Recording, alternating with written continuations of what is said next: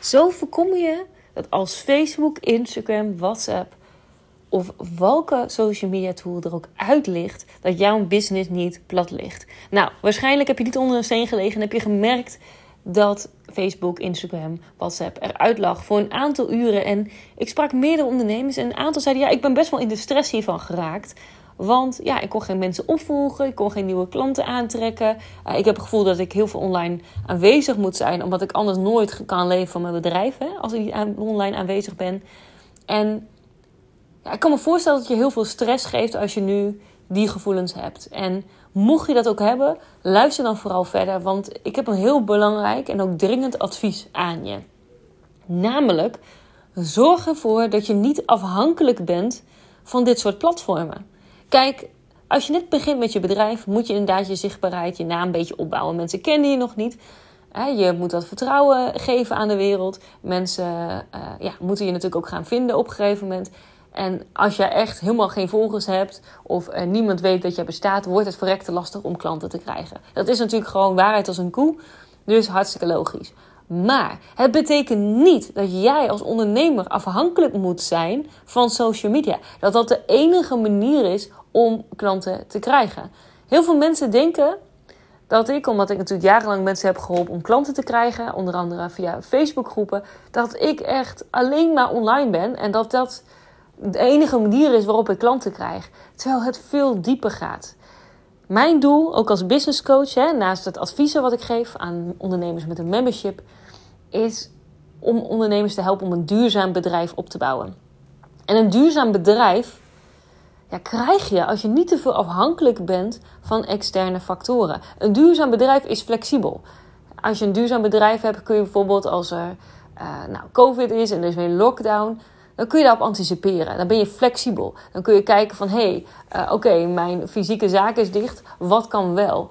als, als ondernemer moet je kijken hoe kan ik zo snel mogelijk flexibel reageren op wat er gebeurt in de markt. En sowieso, we weten allebei dat als je afwacht en niks doet, ja, dat je vastzit en dat je sowieso niet verder gaat komen.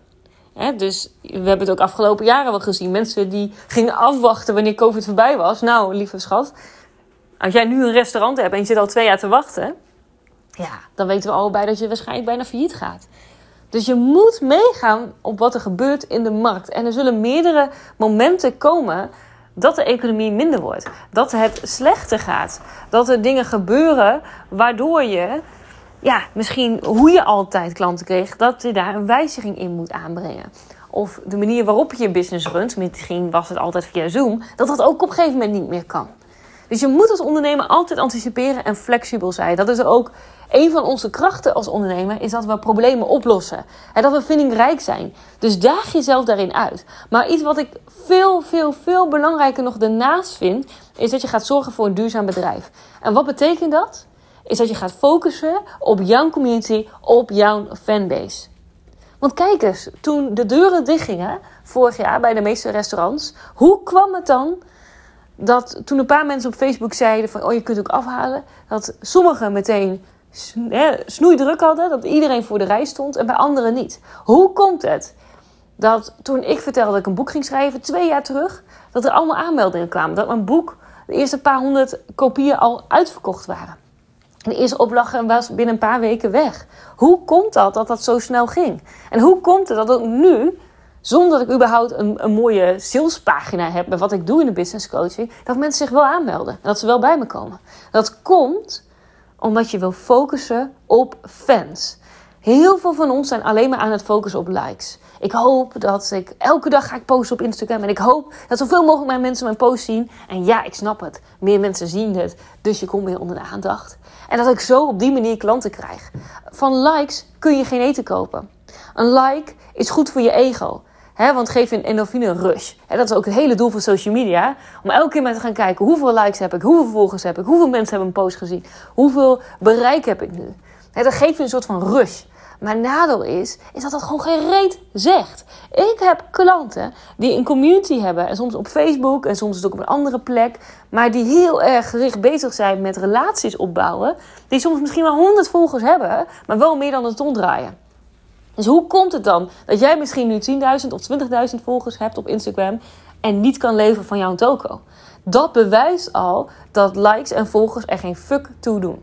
En sorry voor excuse my friends, maar dit is gewoon hoe ik praat. Dus take it or leave it. maar dit is dus waar het om draait. Dus zorg ervoor dat mensen echt een relatie met jou opbouwen, zodat je een fanbase krijgt. En hoe gaat die cyclus? Nou, ik heb hem vorig jaar ook al aan heel veel mensen geteacht. Onder andere begint het met natuurlijk goede content maken. Dat mensen getriggerd worden door wat ze lezen. Dat er interactie komt, verbinding komt en dus zo een relatie komt. Zie dit als een cirkeltje. Je post, interactie, verbinding, sale. Als ondernemer wil je heel goed weten waar sta ik voor? Waar geloof ik in? Wat maakt dat mensen bij mij komen? Wat is jouw, jouw juicy secret? Wat is je oneerlijke concurrentievoordeel op de rest? Ik weet bij mij bijvoorbeeld dat mensen het fantastisch vinden dat ik gewoon doe waar ik zin in heb. Dat ik doe wat voor mij juist voelt. Weg van alle marketing trucs. Ik zeg al vijf jaar dat ik niet geloof in marketing funnels en advertenties. Vijf jaar lang heb ik er gezeik over gekregen. En pas nu in 2021 gaan andere mensen het ook zeggen. Omdat ze doorhebben, hé, hey, Kim heeft misschien wel gelijk hey, misschien heb ik helemaal geen funnel nodig. hey, misschien hoeft mijn bedrijf, als ik mijn omzet wil verdubbelen, helemaal niet zo ingewikkeld te zijn. hey, misschien hoef ik helemaal geen marketing doen zoals andere mensen doen. Nee, waarschijnlijk loopt het ook niet, omdat je de hele tijd probeert te doen wat de rest doet. Dus ik wil je uitdagen met deze podcast om te gaan denken: heb ik wel fans? Heb ik echt mensen die onder elke post reageren of die me volgen? Of zit ik alleen maar te focussen op likes? En om maar zoveel mogelijk consistent mogelijk te posten. Kijk, consistentie is natuurlijk goed. Het geeft, laat betrouwbaarheid zien. Maar je hoeft echt niet per se elke dag te posten om fans te krijgen. Dat is gewoon bullshit. Dat is een trucje. Iets wat mensen je wijs maken, zodat je maar programma's gaat kopen hoe je leert hoe Instagram werkt. Bullshit, bullshit, bullshit. Waar het om gaat, is dat je relaties opbouwt met mensen. Dat mensen je volgen, dat ze denken, ja, zij begrijpt mij. Zij weet waar ik doorheen ga. Zij kan mij verder helpen. En dat gaat veel dieper dan alleen mooie tekst. Dit draait om energie. Echte verbinding. Want in de tijd dat Facebook er straks weer uitknalt, Facebook stopt een keer. Net zoals Hives een keer stopt. Dat is gewoon hoe, de, hè, hoe de, de wereld in elkaar steekt. Op het moment dat Facebook uitklapt, wat gebeurt er? Jouw fans gaan jou opzoeken. Je gaat naar een nieuw platform, ze zoeken je op. Hoe denk je dat sommige mensen, zoals bijvoorbeeld een Tony Robbins, op TikTok meteen, hè, als hij daar zou starten, duizenden volgers krijgt? Omdat mensen hem kennen. Ze gaan kijken, hoe is hij hier ook? Super gaaf. Dat zagen we ook hè, met de audio-app. Die een paar maanden geleden helemaal gehyped werd door iedereen. De mensen die al wat bekender waren, kregen meteen honderden, duizenden volgers. Dus zorg ervoor dat je relaties hebt. Dat je relaties opbouwt met mensen. En natuurlijk ook dat jij gaat kijken waar heb ik wel regie over? Want de social media platform heb jij geen regie over. Maar je hebt wel regie over je podcast. Je hebt wel regie over je website. Je zou kunnen bloggen. Je zou daar ook extra posts kunnen maken, waardoor je beter gevonden wordt in Google. En mensen je daar gaan volgen. Maar zorg ervoor, want dat is echt de kern, dat je relaties opbouwt met mensen. Want relaties winnen het altijd van een shiny website en al dat marketinggelul van ik heb bij Heineken gewerkt en dat soort bullshit. Mensen kiezen voor mensen van wie ze vertrouwen. Dus zorg ervoor dat jij relaties opbouwt. Want uiteindelijk zorg je daarmee voor een duurzaam bedrijf. Je hebt namelijk niet per se social media nodig. Ik wens je een hele fijne dag. Uh, dit is mijn uh, mooie randweer voor vandaag.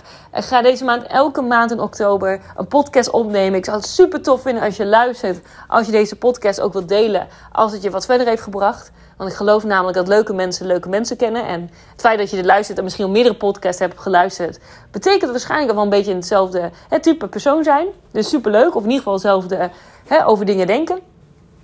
En, en dan spreek ik je heel graag snel weer. Ik wens je een fijne dag en tot snel.